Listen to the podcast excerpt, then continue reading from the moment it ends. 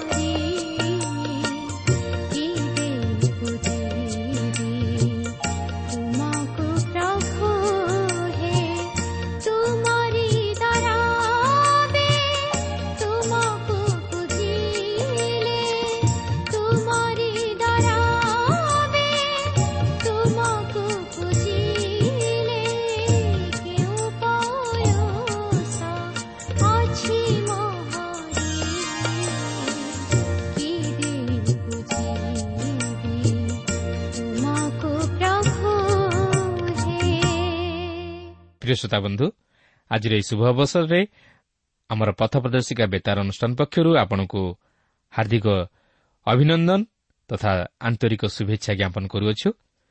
ପ୍ରଭୁ ଯୀଶୁଙ୍କ ଅନୁଗ୍ରହ ଆପଣଙ୍କ ସହବର୍ତ୍ତୀ ହେଉ। ପ୍ରଭୁଙ୍କର ଅସୀମ ଅନୁଗ୍ରହରୁ ଆଜି ପୁନର୍ବାର ଆମେ ତାହାଙ୍କର ବାକ୍ୟ ଅଧ୍ୟୟନ କରିବା ପାଇଁ ସୁଯୋଗ ପାଇପାରିଛୁ। ବିଶେଷରେ ଆପଣଙ୍କ ନିକଟରେ ଆମେ ଧନ୍ୟବାଦୀ ଯେହେତୁ ଆପଣ ଆପଣଙ୍କର ବହୁମୂଲ୍ୟ ସମୟ ଦେଇ ଆଜିର ଏହି କାର୍ଯ୍ୟକ୍ରମ ଶୁଣିବା ନିମନ୍ତେ ରେଡିଓ ପାଖରେ ଅପେକ୍ଷା କରି ବସିଅଛନ୍ତି। ଆପଣଙ୍କ ମନରେ ଅନେକ ପ୍ରଶ୍ନ ଥାଇପାରେ ଯାହାର କି ଉତ୍ତର ଆପଣ ଏପର୍ଯ୍ୟନ୍ତ ପାଇପାରି ନାହାନ୍ତି କିନ୍ତୁ ଆମର ବିଶ୍ୱାସ ଆପଣ ନିୟମିତ ଏହି କାର୍ଯ୍ୟକ୍ରମ ଶୁଣିଲେ ନିଶ୍ଚିତ ଭାବରେ ଆପଣଙ୍କର ପ୍ରଶ୍ନର ଉତ୍ତର ପାଇପାରିବେ। ଆସନ୍ତୁ ପ୍ରଭୁଙ୍କର ବାକ୍ୟ ମଧ୍ୟକୁ ଯିବା ପୂର୍ବରୁ ସଂକ୍ଷେପରେ ପ୍ରାର୍ଥନା କରିବା। ପ୍ରିୟ ପବିତ୍ର ପ୍ରଭୁ ତୁମର ପବିତ୍ର ନାମର ଧନ୍ୟବାଦ କରୁଅଛୁ ତୁମର ପ୍ରଶଂସା କରୁଅଛୁ ସୁନ୍ଦର ସମୟ ପାଇଁ ତୁମର ଜୀବନ୍ତ ବାକ୍ୟ ପାଇଁ। ପବିତ୍ର ପ୍ରଭୁ ଆଜି ତୁମର ବାକ୍ୟ ମଧ୍ୟ ଦେଇ ତୁମେ ଆମମାନଙ୍କ ସହିତ କଥା କୁହ। ତୁମର ପବିତ୍ର ଉପସ୍ଥିତି ଆମମାନଙ୍କୁ ଉପଲବ୍ଧି କରିବା ପାଇଁ ଦିଅ। ଯେତିକି ସମୟ ଧରି ଆମେ ତୁମର ବାକ୍ୟ ଅଧ୍ୟୟନ କରିବୁ ବା ଶ୍ରବଣ କରିବୁ ସେଥି ନିମନ୍ତେ ଆମମାନଙ୍କୁ ଧୀର ସ୍ଥିର ଚିତ୍ତ ଦାନ କର। ଏକ ସରଳ ବିଶ୍ୱାସର ହୃଦୟ ଦିଅ। ଯେପରି ଆମେ ତୁମକୁ ଉଦ୍ଧାରକର୍ତ୍ତା ରୂପେ ଗ୍ରହଣ କରି ପାପରୁ ଉଦ୍ଧାର ପ୍ରାପ୍ତ ହୋଇ ଅନନ୍ତ ଜୀବନର ଅଧିକାରୀ ହେବାକୁ ପାରିବୁ ଏହି ଅନୁଗ୍ରହ ଦାନ କର। ପ୍ରତ୍ୟେକ ଶ୍ରୋତା ବନ୍ଧୁମାନଙ୍କୁ ତୁମେ ଆଶୀର୍ବାଦ କର। ଯୀଶୁଙ୍କ ନାମରେ ମାଗୁଅଛୁ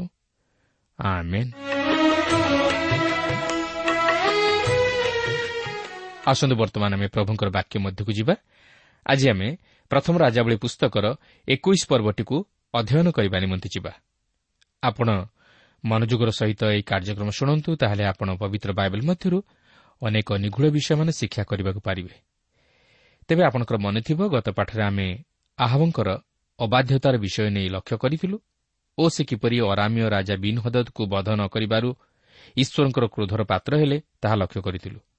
ମାତ୍ର ଆଜି ଆମେ ଏହି ପ୍ରଥମ ରାଜା ଭଳି ପୁସ୍ତକର ଏକୋଇଶ ପର୍ବରେ ଦେଖିବା ଯେ ଆହବ ରାଜା କିପରି ନାବୋତ୍ର ଦ୍ରାକ୍ଷାକ୍ଷେତ୍ରକୁ ଲୋଭ କଲେ ଓ ସେହି ଦ୍ରାକ୍ଷାକ୍ଷେତ୍ରର ଅଧିକାରୀ ହେବା ନିମନ୍ତେ ଆହବଙ୍କ ସ୍ତ୍ରୀ ଇସେବଲ କିପରି ନାବଦକୁ ଷଡ଼ଯନ୍ତ୍ର କରି ବଧ କଲେ ତାହା ଲକ୍ଷ୍ୟ କରିବାକୁ ଯିବା। ଦେଖନ୍ତୁ ଏକୋଇଶ ପର୍ବର ପ୍ରଥମ ପଦରେ ଏହିପରି ଲେଖା ଅଛି ଏଉତାରେ ଏହିପରି ଘଟିଲା ଜିସ୍ରିଏଲ୍ରେ ସମରିଆର ରାଜା ଆହବଙ୍କର ଅଟାଳିକା ସନ୍ନିକଟରେ ଜିସ୍ରିଏଲିୟ ନାବତର ଖଣ୍ଡେ ଦ୍ରାକ୍ଷାକ୍ଷେତ୍ର ଥିଲା। ତେବେ ଏହି ସମରିଆର ଚତୁଃପାର୍ଶ୍ୱ ପ୍ରାକୃତିକ ସୌନ୍ଦର୍ଯ୍ୟରେ ପରିବେଷ୍ଟିତ ହୋଇ ରହିଥିଲା। ପାଲେଷ୍ଟାଇନ୍ ମଧ୍ୟରେ ଏହା ଏକ ଅତି ରମଣୀୟ ସ୍ଥାନ ଥିଲା। ସମରିଆର ସେହି ପାହାଡ଼ ଉପରେ ଯେଉଁ ସ୍ଥାନରେ କି ରାଜା ଆହାବ ଓ ରାଣୀ ଇସେବଲଙ୍କର ରାଜପ୍ରାସାଦ ଥିଲା ସେହି ଅଞ୍ଚଳରେ ଛିଡ଼ା ହୋଇ ଆପଣ ଯଦି ଲକ୍ଷ୍ୟ କରିବେ ତାହେଲେ ଆପଣ ଏହାର ଦକ୍ଷିଣରେ ଜିରୁସାଲାମକୁ ଓ ଉତ୍ତରରେ ସେହି ଏସ୍ଡ୍ରାଲିଓନ୍ ଉପତ୍ୟକା ଓ ଗାଲିଲି ସମୁଦ୍ରକୁ ଓ ପୂର୍ବରେ ଜର୍ଦ୍ଦନ ନଦୀକୁ ଓ ପଶ୍ଚିମରେ ଭୂମଧ୍ୟ ସାଗରକୁ ଲକ୍ଷ୍ୟ କରିବାକୁ ପାରିବେ। ତେଣୁ ଏହି ସ୍ଥାନଟି ପ୍ରାକୃତିକ ସୌନ୍ଦର୍ଯ୍ୟରେ ଭରି ରହିଥିଲା। ଏହାପରେ ଏକୋଇଶ ପର୍ବର ଦୁଇ ଓ ତିନି ପଦରେ ଲେଖା ଅଛି ଏଣୁ ଆହବ ନାବତକୁ କହିଲେ ମୋତେ ତୁମ ଦ୍ରାକ୍ଷା କ୍ଷେତ୍ର ଦିଅ। ମୁଁ ତାହା ଶାକ କ୍ଷେତ୍ର କରିବି କାରଣ ତାହା ମୋ ଗୃହ ନିକଟରେ ଅଛି। ଆଉ ମୁଁ ତହିଁ ବଦଳେ ତୁମକୁ ତହିଁରୁ ଉତ୍ତମ ଏକ ଦ୍ରାକ୍ଷା କ୍ଷେତ୍ର ଦେବି। ଅବା ତୁମକୁ ଭଲ ଦିଶିଲେ ମୁଁ ରୂପା ମୁଦ୍ରାରେ ତହିଁର ମୂଲ୍ୟ ତୁମକୁ ଦେବି। ତେବେ ଏହିପରି ଏକ ରମଣୀୟ ସ୍ଥାନରେ ନାବୋତର ଦ୍ରାକ୍ଷାକ୍ଷେତ୍ର ରହିଥିଲା। ଏହା ସେହି ଆହବ ରାଜାଙ୍କର ରାଜପ୍ରାସାଦର ନିକଟରେ ଥିଲା। ଆପଣ ଭାବୁଥିବେ ଯେ ଆହବ ରାଜା ତାହାଙ୍କର ସେହି ପ୍ରାସାଦକୁ ପାଇ ସନ୍ତୁଷ୍ଟ ରହିଥିବେ କିନ୍ତୁ ନୁହେଁ। ସେ ନାବୋତର ସେହି ଦ୍ରାକ୍ଷାକ୍ଷେତ୍ରକୁ ମଧ୍ୟ ଚାହିଁଲେ। କିନ୍ତୁ ନାବୋଧ ତାହା ରାଜାଙ୍କୁ ବିକ୍ରି କରିଦେବା ନିମନ୍ତେ ଚାହିଁନଥିଲା। କାରଣ ତାହା ତାହାର ପୈତୃକ ସମ୍ପତ୍ତି ଥିଲା। ଏହା ସଦାପ୍ରଭୁ ତାହାଙ୍କର ପିତୃପୁରୁଷଙ୍କୁ ପ୍ରଦାନ କରିଥିଲେ ଓ ଏହା ପିତାଙ୍କର ଅଧିକାର ମଧ୍ୟରୁ ପୁତ୍ରଙ୍କୁ ହସ୍ତାନ୍ତରିତ ହୋଇ ଆସୁଥିଲା। କିନ୍ତୁ ବର୍ତ୍ତମାନ ଆହାବ ରାଜା ସେହି କ୍ଷେତ୍ରକୁ ନିଜର କରିନେବାକୁ ଚାହୁଁଛନ୍ତି। ସେ ନାବଦଠାରୁ ତାହା କଳେ ବଳେ କୌଶଳେ ଅଧିକାର କରିନେବା ନିମନ୍ତେ ଯୋଜନା କରୁଅଛନ୍ତି। ଏକୋଇଶ ପର୍ବର ଚାରିପଦରେ ଲେଖା ଅଛି ତହୁଁ ଆହାବ ଜିସ୍ରିଏଲିୟ ନାବତର ଉକ୍ତ କଥା ସକାଶୁ ବିଷର୍ଣ୍ଣ ଓ ଅତୁଷ୍ଟ ହୋଇ ଆପଣା ଗୃହକୁ ଆସିଲେ। କାରଣ ନାବଦ କହିଥିଲା ଯେ ମୁଁ ଆପଣା ପୈତୃକ ଅଧିକାର ଆପଣଙ୍କୁ ଦେବି ନାହିଁ। ଏଣୁ ଆହାବ ଆପଣା ମୁଖ ଫେରାଇ ଶଯ୍ୟାରେ ପଡ଼ି ଭୋଜନ କରିବାକୁ ଅସମତ ହେଲେ। ତେବେ ଆହବ ରାଜା ନାବତର ଏପରି କଥାରେ ସନ୍ତୁଷ୍ଟ ନଥିଲେ ଓ ସେ ସେହି କ୍ଷେତ୍ର ପାଇବା ନିମନ୍ତେ ବିଶେଷ ଲାଳାୟିତ ଥିଲେ। ତେଣୁକରି ସେ ତାହାଙ୍କର ନିଜ ଗୃହକୁ ଫେରିଯାଇ ଏକ ସାନ ପିଲା ପରି ମୁହଁ ଫୁଲେଇବାକୁ ଆରମ୍ଭ କଲେ। ସେ ଖିଆପିଆ ମଧ୍ୟ କଲେ ନାହିଁ। କାରଣ ସେ ଯାହା ଚାହୁଁଥିଲେ ତାହା ନ ପାଇବାରୁ ଅତି ଦୁଃଖିତ ହୋଇ ଚାଲିଯାଇଥିଲେ। ତେବେ ରାଜାଙ୍କର ଏ ପ୍ରକାର ମନୋଭାବକୁ ଦେଖି ରାଣୀ ଇସେବଲ ନାବଦକୁ ବଧ କରିବା ନିମନ୍ତେ ଏକ ଷଡ଼ଯନ୍ତ୍ର କରୁଛନ୍ତି ଯେପରି ନାବତର ଦ୍ରାକ୍ଷାକ୍ଷେତ୍ର ରାଜାଙ୍କର ଅଧିକାର ମଧ୍ୟକୁ ଚାଲିଆସେ। ଦେଖନ୍ତୁ ଏକୋଇଶ ପର୍ବର ପାଞ୍ଚ ପଦରୁ ସାତ ପଦ ମଧ୍ୟରେ ଲେଖା ଅଛି ମାତ୍ର ତାଙ୍କ ଭାର୍ଯ୍ୟା ଇସେବଲ ତାଙ୍କ ନିକଟକୁ ଆସି କହିଲା ତୁମମାନ କାହିଁକି ଏଡ଼େ ଦୁଃଖିତ ଯେ ତୁମେ ଭୋଜନ କରୁନାହ? ତହିଁରେ ସେ ତାହାକୁ କହିଲେ ମୁଁ ଜେସ୍ରିଏଲିୟ ନାବଦକୁ କହିଲି ତୁମେ ରୂପା ମୁଦ୍ରା ନେଇ ମୋତେ ତୁମ ଦ୍ରାକ୍ଷା କ୍ଷେତ୍ର ଦିଅ। ଅବା ଯେବେ ତୁମର ସନ୍ତୋଷ ହୁଏ ତେବେ ମୁଁ ତୁମକୁ ତହିଁ ବଦଳେ ଆଉ ଏକ ଦ୍ରାକ୍ଷା କ୍ଷେତ୍ର ଦେବି। ମାତ୍ର ସେ ଉତ୍ତର କଲା ମୁଁ ତୁମକୁ ଆପଣ ଦ୍ରାକ୍ଷା କ୍ଷେତ୍ର ଦେବି ନାହିଁ। ତହୁଁ ତାଙ୍କର ଭାର୍ଯ୍ୟା ଇସେବଲ ତାଙ୍କୁ କହିଲା ତୁମେ କ'ଣ ଏବେ ଇସ୍ରାଏଲ୍ର ରାଜ୍ୟ ଉପରେ କର୍ତ୍ତୃତ୍ୱ କରୁନାହ ଉଠ ଭୋଜନ କର ଓ ତୁମ୍ଭ ମନ ଆନନ୍ଦିତ ହେଉ ମୁଁ ତୁମ୍ଭକୁ ଜିସ୍ରିଏଲିଓ ନାବତର ଦ୍ରାକ୍ଷା କ୍ଷେତ୍ର ଦେବି ବାସ୍ତବରେ ଆହବ ରାଜାଙ୍କ ସ୍ତ୍ରୀ ଇସେବଲ ଆହବ ରାଜାଙ୍କଠାରୁ ଅଧିକ ଦୁଷ୍ଟା ସ୍ତ୍ରୀ ଥିଲା। ତାର କାର୍ଯ୍ୟକଳାପରୁ ଆପଣ ଅନୁମାନ କରିପାରୁଥିବେ ଯେ ସେ କେଡ଼େ ଭୟଙ୍କର ସ୍ତ୍ରୀ ଥିଲା। ସେ ବର୍ତ୍ତମାନ ସେହି ନାବତର ଦ୍ରାକ୍ଷାକ୍ଷେତ୍ରକୁ ପାଇବା ନିମନ୍ତେ ଏକ କୂଟ ଚକ୍ରାନ୍ତ କରି ନାବତକୁ ହତ୍ୟା କରିବା ନିମନ୍ତେ ଯୋଜନା କରୁଛି। ଏକୋଇଶ ପର୍ବର ଆଠ ପଦରୁ ଚଉଦ ପଦ ମଧ୍ୟରେ ଲେଖା ଅଛି ତହୁଁ ସେ ଆହବଙ୍କ ନାମରେ ପତ୍ର ଲେଖି ଓ ତାଙ୍କର ମୁଦ୍ରାରେ ମୁଦ୍ରାଙ୍କିତ କରି ନାବତର ନଗରସ୍ଥ ଓ ତାହାର ପ୍ରତିବାସୀ ପ୍ରାଚୀନ ଓ ପ୍ରଧାନ ଲୋକମାନଙ୍କ ନିକଟକୁ ସେହି ପତ୍ର ପଠାଇଲା। ପୁଣି ସେହି ପତ୍ରରେ ସେ ଏହା ଲେଖିଥିଲା ଯଥା ଉପବାସର ଘୋଷଣା କର ଓ ଲୋକମାନଙ୍କ ମଧ୍ୟରେ ନାବଦକୁ ଉଚ୍ଚସ୍ଥାନରେ ବସାଅ। ଆଉ ତାହା ସମ୍ମୁଖରେ ପାପାଧମ ସନ୍ତାନ ଦୁଇ ମନୁଷ୍ୟକୁ ବସାଅ। ଓ ସେମାନେ ତାହା ବିରୁଦ୍ଧରେ ସାକ୍ଷ୍ୟ ଦେଇ କହନ୍ତୁ ତୁମେ ପରମେଶ୍ୱରଙ୍କୁ ଓ ରାଜାଙ୍କୁ ଅଭିଶାପ ଦେଇଅଛ। ତହିଁମୁତାରେ ତାହାକୁ ବାହାରକୁ ନେଇ ପ୍ରସ୍ତରାଘାତ କରି ବଧ କର। ତେଣୁ ନାବୋତର ନଗରସ୍ଥ ଲୋକମାନଙ୍କୁ ଅର୍ଥାତ୍ ତାହାର ନଗର ନିବାସୀ ପ୍ରାଚୀନ ଓ ପ୍ରଧାନ ବର୍ଗଙ୍କୁ ଇସବଲ ଯେପରି କହି ପଠାଇଥିଲା ଓ ତାହାର ପ୍ରେରିତ ପତ୍ରରେ ଯେପରି ଲେଖା ଥିଲା ତଦନୁସାରେ ସେମାନେ କର୍ମ କଲେ। ସେମାନେ ଉପବାସର ଘୋଷଣା କଲେ ଓ ନାବତକୁ ଲୋକମାନଙ୍କ ମଧ୍ୟରେ ଉଚ୍ଚସ୍ଥାନରେ ବସାଇଲେ। ଆଉ ପାପାଧମ ସନ୍ତାନ ଦୁଇ ମନୁଷ୍ୟ ଆସି ତାହା ସମ୍ମୁଖରେ ବସିଲେ। ପୁଣି ସେହି ପାପାଧମ ମନୁଷ୍ୟମାନେ ଲୋକମାନଙ୍କ ସାକ୍ଷାତରେ ନାବୋତ ବିରୁଦ୍ଧରେ ସାକ୍ଷ୍ୟ ଦେଇ କହିଲେ ନାବୋତ ପରମେଶ୍ୱରଙ୍କୁ ଓ ରାଜାଙ୍କୁ ଅଭିଶାପ ଦେଇଅଛି। ତହୁଁ ସେମାନେ ତାହାକୁ ନଗରର ବାହାରକୁ ନେଇଯାଇ ପ୍ରସ୍ତରାଘାତ କରି ବଧ କଲେ। ତହିଁ ଉତ୍ତାରେ ସେମାନେ ଇସେବଲ ନିକଟକୁ କହି ପଠାଇଲେ ନାବୋତ ପ୍ରସ୍ତରାଘାତରେ ମରିଅଛି। ଏହାଠାରୁ ବଳି ଜଘନ୍ୟ ବିଷୟ ଆଉ କ'ଣ ଥାଇପାରେ? ଜଣେ ନିରୀହ ମନୁଷ୍ୟକୁ ତଥା ନିରପରାଧୀ ମନୁଷ୍ୟକୁ ଚକ୍ରାନ୍ତ କରି ପ୍ରସ୍ତରାଘାତରେ ବଧ କଲେ। ଏହା ଥିଲା ଇସ୍ତେବଲର ଷଡ଼ଯନ୍ତ୍ର ଓ ସେ ଦୁଇ ଜଣ ପାପାଧମ ମନୁଷ୍ୟ ଦ୍ୱାରା ସେହି କାର୍ଯ୍ୟ ସାଧନ କରିଥିଲା। ଆହାପରାଜାଙ୍କର କ'ଣ ଅଭାବ ଥିଲା? ତାହାଙ୍କର ସବୁକିଛି ଥାଇ ମଧ୍ୟ ସେ ନାବୋତର ଦ୍ରାକ୍ଷା କ୍ଷେତ୍ରକୁ ଲୋଭ କଲେ ଓ ତାହାକୁ କଳେ ଭଳି କୌଶଳେ ଅଧିକାର କରିନେଲେ। ଏହାଠାରୁ ଭଳି ଅବିଚାର ତଥା ଅପରାଧ ଆଉ କ'ଣ ଥାଇପାରେ? ତେବେ ଯଦି ଆମେ ବର୍ତ୍ତମାନର ଜଗତକୁ ଦୃଷ୍ଟି ଆଗରେ ରଖି ଚିନ୍ତା କରିବା ତାହେଲେ ଏଭଳି ଜଘନ୍ୟ କାର୍ଯ୍ୟ କ'ଣ ଘଟୁନାହିଁ କି? ଯେଉଁମାନଙ୍କର କୌଣସି ବିଷୟରେ ଅଭାବ ନାହିଁ ଓ ସେମାନେ ପ୍ରାଚୁର୍ଯ୍ୟତା ମଧ୍ୟରେ ରହିଛନ୍ତି ସେମାନେ ଗରିବ ଶ୍ରେଣୀର ଲୋକମାନଙ୍କ ଉପରେ ଉପଦ୍ରବ କରନ୍ତି ଓ ସେମାନଙ୍କର ଧନ ସମ୍ପତ୍ତିକୁ ଆତ୍ମସାତ କରନ୍ତି। ଗୁଣ୍ଡାମାନଙ୍କୁ ଲଗାଇ ଗରିବମାନଙ୍କର ଜମି ବା ଗୃହ ବା ଭୂମିକୁ ଜବରଦସ୍ତି ଦଖଲ କରନ୍ତି। କିନ୍ତୁ ଏହାର ପରିଣାମ ଯେ ଅତି ଭୟଙ୍କର ତାହା ସେମାନେ ବିଚାର କରନ୍ତି ନାହିଁ। ନାବୋଧ ପ୍ରସ୍ତରାଘାତରେ ମୃତ୍ୟୁବରଣ କଲା ସତ କିନ୍ତୁ ଆହବ କ'ଣ ତ୍ରାହି ପାଇଗଲେ? କେବେ ନୁହେଁ ସେ ମଧ୍ୟ ତହିଁର ପ୍ରତିଫଳ ଭୋଗ କଲେ ଯାହାକି ଆମେ ପରବର୍ତ୍ତୀ ଅଂଶରେ ଦେଖିବାକୁ ପାରିବା। ପ୍ରିୟ ବନ୍ଧୁ ଆମେ ପାପ କରି ମନୁଷ୍ୟମାନଙ୍କ ଆଖିରେ ଧୂଳି ଦେଇପାରୁ ବା ମନୁଷ୍ୟ ହସ୍ତରୁ ଖସିଯାଇପାରୁ ମାତ୍ର ଈଶ୍ୱରଙ୍କ ହସ୍ତରୁ ନୁହେଁ। ଈଶ୍ୱର କେବେ ହେଲେ ଜଣେ ଅପରାଧୀକୁ ନିରପରାଧୀ ବୋଲି ଗଣନା କରିବେ ନାହିଁ। ମନୁଷ୍ୟ ନିଜ କଲାକର୍ମର ସମୁଚିତ ଫଳ ଭୋଗ କରେ।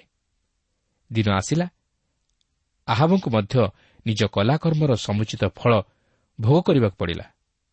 ତେବେ ଦେଖନ୍ତୁ ନାବତର ମୃତ୍ୟୁ ଖବର ପାଇବା ପରେ ଇସବଲ ମନର ପ୍ରତିକ୍ରିୟା ଯାହାକି ପନ୍ଦର ଓ ଷୋହଳ ପଦରେ ଲେଖା ଅଛି। ଏଥିରେ ଇସେବଲ ପ୍ରସ୍ତରାଘାତରେ ନାବତର ମରିଥିବା ବିଷୟ ଶୁଣନ୍ତେ। ଇସେବଲ ଆହମକୁ କହିଲା ଉଠ। ଜିଶ୍ରିଏଲିଓ ନାବତର ରୂପାମୁଦ୍ରାରେ ତୁମ୍ଭକୁ ଯେଉଁ ଦ୍ରାକ୍ଷାକ୍ଷେତ୍ର ଦେବାକୁ ନାସ୍ତି କଲା ତାହା ଅଧିକାରରେ ଆଣ। କାରଣ ନାବୋତ ଜୀବିତ ନାହିଁ ମାତ୍ର ମଲାଣି। ସେତେବେଳେ ଆହାବ ନାବତର ମରଣ କଥା ଶୁଣନ୍ତେ। ଆହାବ ଉଠି ଜିଶ୍ରିଏଲିଓ ନାବତର ଦ୍ରାକ୍ଷାକ୍ଷେତ୍ର ଅଧିକାରରେ ଆଣିବା ପାଇଁ ଗଲେ। ଦେଖନ୍ତୁ ବର୍ତ୍ତମାନ ଇସେବଲ ଆହବ ରାଜାଙ୍କ ନିକଟକୁ ଆସି କହୁଛି ଆରେ ତମେ ଆଉ ମନ ଦୁଃଖରେ ଶୋଇ ରହିଛ କ'ଣ? ନାବଦ ଯେ ମରିଅଛି ଏହା କ'ଣ ତୁମେ ଜାଣିନ? ତୁମେ ବର୍ତ୍ତମାନ ଉଠି ନାବତର ସେହି ଦ୍ରାକ୍ଷା କ୍ଷେତ୍ରକୁ ଯାଇ ସେହି କ୍ଷେତ୍ରକୁ ଅଧିକାର କର। ଏହା ଏପରି ଜଣାଯାଏ ଯେ ସତେ ଯେପରି ଆହବ ସଫଳକାମୀ ହୋଇ ସେହି କ୍ଷେତ୍ରକୁ ଅଧିକାର କରିନେଲେ ଓ ନିଜ କଲାକର୍ମରୁ ତ୍ରାହି ପାଇଗଲେ କିନ୍ତୁ ତାହା ନୁହେଁ। ଈଶ୍ୱର ମଧ୍ୟ ତାହାଙ୍କର ଜଣେ ବ୍ୟକ୍ତିଙ୍କୁ ପ୍ରସ୍ତୁତ କରି ରଖିଥିଲେ ଯେ କି ଈଶ୍ୱରଙ୍କ ବାକ୍ୟକୁ ଆହବଙ୍କ ନିକଟରେ ପ୍ରକାଶ କରି ତାହାଙ୍କୁ ତାହାଙ୍କର ଅପରାଧ ବିଷୟରେ ସ୍କରଣ କରାଇଦେବେ। ଦେଖନ୍ତୁ ଏକୋଇଶ ପର୍ବର ସତରରୁ ଉଣେଇଶ ପଦରେ ଲେଖା ଅଛି ଅନନ୍ତର ତିସ୍ବିୟ ଏଲିଓଙ୍କ ନିକଟରେ ସଦାପ୍ରଭୁଙ୍କର ବାକ୍ୟ ଉପସ୍ଥିତ ହେଲା ଯଥା ଉଠ ସମରିଆ ନିବାସୀ ଇସ୍ରାଏଲ୍ର ରାଜା ଆହବ ସଙ୍ଗେ ସାକ୍ଷାତ କରିବାକୁ ଯାଅ। ଦେଖ ସେ ନାବୋତର ଦ୍ରାକ୍ଷା କ୍ଷେତ୍ରରେ ଅଛି। ସେ ତାହା ଅଧିକାରରେ ଆଣିବା ପାଇଁ ସେ ସ୍ଥାନକୁ ଯାଇଅଛି। ଏହେତୁ ତୁମ୍ଭେ ତାହାକୁ କହିବ ସଦାପ୍ରଭୁ ଏହି କଥା କହନ୍ତି ତୁମେ କି ବଧ କରିଅଛ ଓ ଅଧିକାର ମଧ୍ୟ ଆତ୍ମସାତ କରିଅଛ? ଆହୁରି ତୁମ୍ଭେ ତାହାକୁ କହିବ ସଦାପ୍ରଭୁ ଏହି କଥା କହନ୍ତି ଯେଉଁ ସ୍ଥାନରେ କୁକୁରମାନେ ନାବତର ରକ୍ତ ଚାଟି ଖାଇଲେ ସେହି ସ୍ଥାନରେ କୁକୁରମାନେ ତୁମ୍ଭର ରକ୍ତ ମଧ୍ୟ ଚାଟି ଖାଇବେ। ପବିତ୍ର ବାଇବଲ କହେ ଭ୍ରାନ୍ତ ନ ହୁଅ ଈଶ୍ୱର ବିଦ୍ରୁପର ପାତ୍ର ନୁହନ୍ତି। କାରଣ ମନୁଷ୍ୟ ଯାହା ବୁଣେ ତାହା ସେ କାଟିବ। ଈଶ୍ୱରଙ୍କର ଏହି ବ୍ୟବସ୍ଥା ଅପରିବର୍ତ୍ତନୀୟ। ଏହା ଆଜି ମଧ୍ୟ ଆମମାନଙ୍କ ଜୀବନ ନିମନ୍ତେ ପ୍ରଯୁଜ୍ୟ। ଆମେ ଯଦି ପୁରାତନ ନିୟମ ମଧ୍ୟକୁ ଫେରିଯିବା ତାହେଲେ ସେହି ସମୟର ଲୋକମାନଙ୍କ ଜୀବନରେ ମଧ୍ୟ ତାହା ହିଁ ଘଟିଥିଲା। ସେମାନେ ଈଶ୍ୱରଙ୍କ ଲୋକ ହେଲେ ମଧ୍ୟ ନିଜ ପାପର ପ୍ରତିଫଳ ଭୋଗ କଲେ। ଜାକୁବ ଯେପରି ପ୍ରତାରଣା କରିଥିଲେ ସେ ମଧ୍ୟ ସେହିପରି ପ୍ରତାରିତ ହେଲେ। ମିଶ୍ରର ରାଜା ଫାରୋ ଯିଏକି ଏବ୍ରିୟ ବାଳକମାନଙ୍କୁ ହତ୍ୟା କରି ତ୍ରାହି ପାଇଯାଇଅଛନ୍ତି ବୋଲି ଭାବୁଥିଲେ ଦିନ ଆସିଲା ସେ ମଧ୍ୟ ନିଜର ପ୍ରଥମଜାତ ପୁତ୍ରକୁ ହରାଇଲେ। ଦାଉଦ ମଧ୍ୟ ପାପ କଲେ ମାତ୍ର ସେ ତହିଁରୁ ତ୍ରାହି ପାଇପାରିଲେ ନାହିଁ। ତାହାଙ୍କ ପ୍ରତି ଓ ତାହାଙ୍କର ପରିବାର ପ୍ରତି ତହିଁର ପ୍ରତିଫଳ ବର୍ତ୍ତିଲା। ତାର୍ସର ସାଉଲ ସ୍ତିଫାନ୍କୁ ପଥର ମାରି ବଧ କରିବାରେ ସମ୍ପୃକ୍ତ ଥିଲେ। ମାତ୍ର ଦିନ ଆସିଲା। ତାହାଙ୍କ ପ୍ରତି ମଧ୍ୟ ପ୍ରସ୍ତରାଘାତ କରାଯାଇଥିଲା ଓ ସେ ମୃତ ପରି ହୋଇଯାଇଥିଲେ। ଓ ଈଶ୍ୱର ତାହାଙ୍କୁ ମୃତ୍ୟୁରୁ ଉଠାଇଲେ। ତେଣୁ ମନୁଷ୍ୟ ଯାହା କରେ ତହିଁର ପ୍ରତିଫଳ ସେ ଭୋଗ କରେ କେବଳ ସେ ନୁହେଁ ତାହା ଲାଗି ତାହାର ପରିବାର ସନ୍ତାନ ସନ୍ତତି ସମାଜ ଓ ମଣ୍ଡଳୀ ମଧ୍ୟ ଭୋଗ କରେ। ହଁ ଈଶ୍ୱର ପାପୀକୁ ପ୍ରେମ କରନ୍ତି ସତ ମାତ୍ର ସେ ପାପକୁ ଘୃଣା କରନ୍ତି। ସେ ଯଦିଓ ଦୀର୍ଘ ସହିଷ୍ଣୁ ମାତ୍ର ଚିର ସହିଷ୍ଣୁ ନୁହନ୍ତି। ସେ ମନୁଷ୍ୟକୁ ତାହାର ନିଜ ଅପରାଧରୁ ଫେରିବା ନିମନ୍ତେ ସୁଯୋଗ ଦିଅନ୍ତି। ମାତ୍ର ମନୁଷ୍ୟ ଯଦି ଶକ୍ତଗ୍ରୀବ ହୋଇ ନିଜର ଅଧର୍ମରେ ପରିଚାଳିତ ହୁଏ ତାହେଲେ ତାହା ଜୀବନରେ ଏପରି ଏକ ସମୟ ଆସି ପହଞ୍ଚିଯାଏ ଯେତେବେଳେ କି ଅନୁତାପ କରିବା ନିମନ୍ତେ ମଧ୍ୟ ସୁଯୋଗ ଆଉ ମିଳେ ନା ଈଶ୍ୱର କ'ଣ ଆହାବଙ୍କୁ ସୁଯୋଗ ଦେଇନଥିଲେ? ନିଶ୍ଚୟ। ମାତ୍ର ସେ ସେହି ସୁଯୋଗର ସଦ୍ବ୍ୟବହାର କରିପାରିଲେ ନାହିଁ। ଶେଷରେ ଈଶ୍ୱରଙ୍କ ଦ୍ୱାରା ବିଚାରିତ ହେଲେ। ବର୍ତ୍ତମାନ ଏଠାରେ ଆପଣ ଲକ୍ଷ୍ୟ କରିବାକୁ ପାରିବେ ଯେ ଈଶ୍ୱରଙ୍କ ବିଚାର ଆହାବ ଓ ଇସେବଲ ପ୍ରତି ବର୍ତ୍ତିବାକୁ ଯାଉଅଛି। ଏକୋଇଶ ପର୍ବର କୋଡ଼ିଏରୁ ବାଇଶ ପଦ ମଧ୍ୟରେ ଲେଖା ଅଛି ତହିଁରେ ଆହାବ ଏଲିଓଙ୍କୁ କହିଲେ ହେ ମୋହର ଶତ୍ରୁ ତୁମେ କ'ଣ ମୋତେ ପାଇଲ? ତମୁ ସେ ଉତ୍ତର କଲେ ମୁଁ ତୁମକୁ ପାଇଲି ଯେହେତୁ ସଦାପ୍ରଭୁଙ୍କ ଦୃଷ୍ଟିରେ ମନ୍ଦକର୍ମ କରିବା ପାଇଁ ତୁମ୍ଭେ ଆପଣାଙ୍କୁ ବିକିଅଛ। ଦେଖ ମୁଁ ତୁମ୍ଭ ପ୍ରତି ଅମଙ୍ଗଳ ଘଟାଇଲି ଓ ତୁମକୁ ନିଶେଷ ରୂପେ ଝାଟୋଇ ଦେବି। ପୁଣି ଇସ୍ରାଏଲ୍ ମଧ୍ୟରେ ବଦ୍ଧ ବା ମୁକ୍ତ ପ୍ରତ୍ୟେକ ପୁଙ୍ଗ ସନ୍ତାନକୁ ଆହବଠାରୁ ଉଚ୍ଛିନ୍ନ କରିବି। ପୁଣି ତୁମ୍ଭେ ଯେଉଁ ବିରକ୍ତିଜନକ କର୍ମ ଦ୍ୱାରା ମୋତେ ବିରକ୍ତ କରିଅଛ ଓ ଇସ୍ରାଏଲ୍କୁ ପାପ କରାଇଅଛ ତହିଁ ନିମନ୍ତେ ମୁଁ ତୁମ୍ଭ ବଂଶକୁ ନବାଟର ପୁତ୍ର ଜାରବିଆମର ବଂଶତୁଲ୍ୟ ଓ ଅହିୟର ପୁତ୍ର ବାସାର ବଂଶତୁଲ୍ୟ କରିବି। ଈଶ୍ୱରଠାରେ ଏଲିୟ ଭବିଷ୍ୟତ ବକ୍ତାଙ୍କ ମୁଖ ଦେଇ ଆହାବକୁ କହନ୍ତି ଆହାବ ତୁମ୍ଭେ କୁକର୍ମ କରିଅଛ। ଆଉ ମୁଁ ତୁମର ବଂଶକୁ ଉଚ୍ଛିନ୍ନ କରିବି ଓ ତୁମର ବଂଶ ମଧ୍ୟରୁ କେହି ରାଜତ୍ୱ କରିପାରିବେ ନାହିଁ। ସେହି ଜାରବିୟମ ବଂଶ ଓ ଅହିର ପୁତ୍ର ବାସର ବଂଶ ତୁଲ୍ୟ ତୁମ୍ଭ ବଂଶକୁ ମଧ୍ୟ ଉଚ୍ଛିନ୍ନ କରିବି। ଏପରିକି କୁକୁରମାନେ ତୁମ୍ଭର ରକ୍ତ ମଧ୍ୟ ଚାଟି ଖାଇବେ। ଏହା କ'ଣ ଭୟଙ୍କର ବିଷୟ ନୁହେଁ କି? ଈଶ୍ୱର ଆହାବଙ୍କୁ ପରିତ୍ୟାଗ କଲେ। ତାଙ୍କ ନିମନ୍ତେ ଅନୁତାପ କରିବା ପାଇଁ ମଧ୍ୟ ଆଉ ସୁଯୋଗ ନଥିଲା। କେବଳ ସେ ନୁହନ୍ତି। ତାହାଙ୍କ ସ୍ତ୍ରୀ ଇସେବଲ ପ୍ରତି ମଧ୍ୟ ଈଶ୍ୱରଙ୍କ କ୍ରୋଧ ବର୍ତ୍ତିଲା ଓ ଇସେବଲର ରକ୍ତ ମଧ୍ୟ କୁକୁରମାନେ ଚାଟି ଖାଇଲେ ଯାହାକି ଆମେ ପରେ ଦେଖିବାକୁ ପାରିବା। ଏହାପରେ ଏକୋଇଶ ପର୍ବର ତେଇଶରୁ ପଚିଶ ପଦ ମଧ୍ୟରେ ଲେଖା ଅଛି ଆଉ ଇସେବଲ ବିଷୟରେ ମଧ୍ୟ ସଦାପ୍ରଭୁ କହୁଅଛନ୍ତି ଜିସ୍ରିଏଲ୍ର ଗଡ଼ପାଚିରି ନିକଟରେ କୁକୁରମାନେ ଇସେବଲକୁ ଖାଇବେ। ଆହାବର ଯେଉଁ ଲୋକ ନଗରରେ ମରିବ କୁକୁରମାନେ ତାହାକୁ ଖାଇବେ। ପୁଣି ଯେଉଁ ଲୋକ କ୍ଷେତ୍ରରେ ମରିବ ଆକାଶର ପକ୍ଷୀଗଣ ତାହାକୁ ଖାଇବେ। ଯେପରି ଏହି ଆହାବ ଆପଣା ଭାର୍ଯ୍ୟା ଇସେବଲ ଦ୍ୱାରା ପ୍ରବର୍ତ୍ତିତ ହୋଇ ସଦାପ୍ରଭୁଙ୍କ ଦୃଷ୍ଟିରେ ମନ୍ଦକର୍ମ କରିବା ପାଇଁ ଆପଣାକୁ ବିକ୍ରୟ କଲେ ସେପରି ଆଉ କେହି କରିନାହିଁ। ତେବେ ଏହି ବିଚାର ଯେ ଆହାବ ଇସେବଲ ପ୍ରତି ଓ ତାହାଙ୍କର ବଂଶ ପ୍ରତି ଅକ୍ଷର ଅକ୍ଷରେ ସଫଳ ହେଲା ତାହା ଆମେ ଏହାର ପରବର୍ତ୍ତୀ ଅଂଶରେ ଲକ୍ଷ୍ୟ କରିବାକୁ ପାରିବା। ଈଶ୍ୱରଙ୍କ ବାକ୍ୟ ମିଥ୍ୟା ନୁହେଁ। ସେ ଯାହା କହିଥାନ୍ତି ତାହା ସଫଳ ହୁଏ। କିନ୍ତୁ ଆମେ କ'ଣ ଏଥି ନିମନ୍ତେ ସତର୍କ ଅଛୁ କି? ଆମେ କ'ଣ ପାପ କରିବାକୁ ଭୟ କରୁଛୁ କି? ଈଶ୍ୱରଙ୍କ ପ୍ରତି କ'ଣ ଆମମାନଙ୍କ ମନରେ ଭୟ ଭକ୍ତି ଅଛି କି? ଈଶ୍ୱରଙ୍କର ସେହି ବିଚାରର ଦିନ ନିମନ୍ତେ ଆମେ କ'ଣ ପ୍ରସ୍ତୁତ ଅଛୁ କି? ପ୍ରଭୁ ଆଜି ଆମମାନଙ୍କର ସତ ଅଯୋଗ୍ୟତା ଓ ପାପ ସତ୍ତ୍ୱେ ମଧ୍ୟ ଆମମାନଙ୍କୁ ତାହାଙ୍କ ନିକଟକୁ ଫେରିଆସିବା ନିମନ୍ତେ ସୁଯୋଗ ଦେଇଛନ୍ତି। କିନ୍ତୁ ଆମେ ଯଦି ନିଜର ଅବିଶ୍ୱାସ ଓ ସନ୍ଦେହରେ ପଡ଼ି ଶୟତାନର ଶିକାର ହେଉ ଓ ଶୟତାନର ପ୍ରଲୋଭନରେ ପ୍ରଲୋଭିତ ହୋଇ ପାପରେ ଜୀବନ ଅତିବାହିତ କରୁ ତାହେଲେ ଶେଷରେ ଆମମାନେ ଈଶ୍ୱରଙ୍କ ଦ୍ୱାରା ବିଚାରିତ ହୋଇ ସେହି ଅନନ୍ତ ନରକରେ ପତିତ ହେବା। ତେଣୁ ଆସୁ ସମୟ ଥାଉଁ ଥାଉଁ ନିଜକୁ ପ୍ରସ୍ତୁତ କରୁ ଓ ପ୍ରଭୁ ଯୀଶୁଖ୍ରୀଷ୍ଟଙ୍କଠାରେ ବିଶ୍ୱାସ କରି ତାହାଙ୍କୁ ହୃଦୟରେ ଗ୍ରହଣ କରି ଈଶ୍ୱରଙ୍କ ସନ୍ତାନତ୍ୱର ଅଧିକାର ପ୍ରାପ୍ତ ହେଉ ଓ ତାହାଙ୍କ ଆଶୀର୍ବାଦ ତଥା ଅନୁଗ୍ରହର ଅଧିକାରୀ ହୋଇ ସେହି ସ୍ୱର୍ଗୀୟ ସୁଖ ତଥା ଶାନ୍ତିର ଅଧିକାରୀ ହେଉ। ଦେଖନ୍ତୁ ଆହାବ କେବଳ ଯେ ଏହି ନାବୋତର ଘଟଣାରେ ସମ୍ପୃକ୍ତ ଥିଲେ ତାହା ନୁହେଁ। ଏଥିସହିତ ତାହାଙ୍କର ଆହୁରି ଅନେକ କିଛି ଘୃଣାଯୋଗ୍ୟ କର୍ମ ଥିଲା। ଏକୋଇଶ ପର୍ବର ଛବିଶ ପଦରେ ଲେଖା ଅଛି ସଦାପ୍ରଭୁ ଯେଉଁ ଇମୋରିୟମାନଙ୍କୁ ଇସ୍ରାଏଲ୍ ସନ୍ତାନଗଣ ସମ୍ମୁଖରୁ ଦୂର କରିଦେଲେ।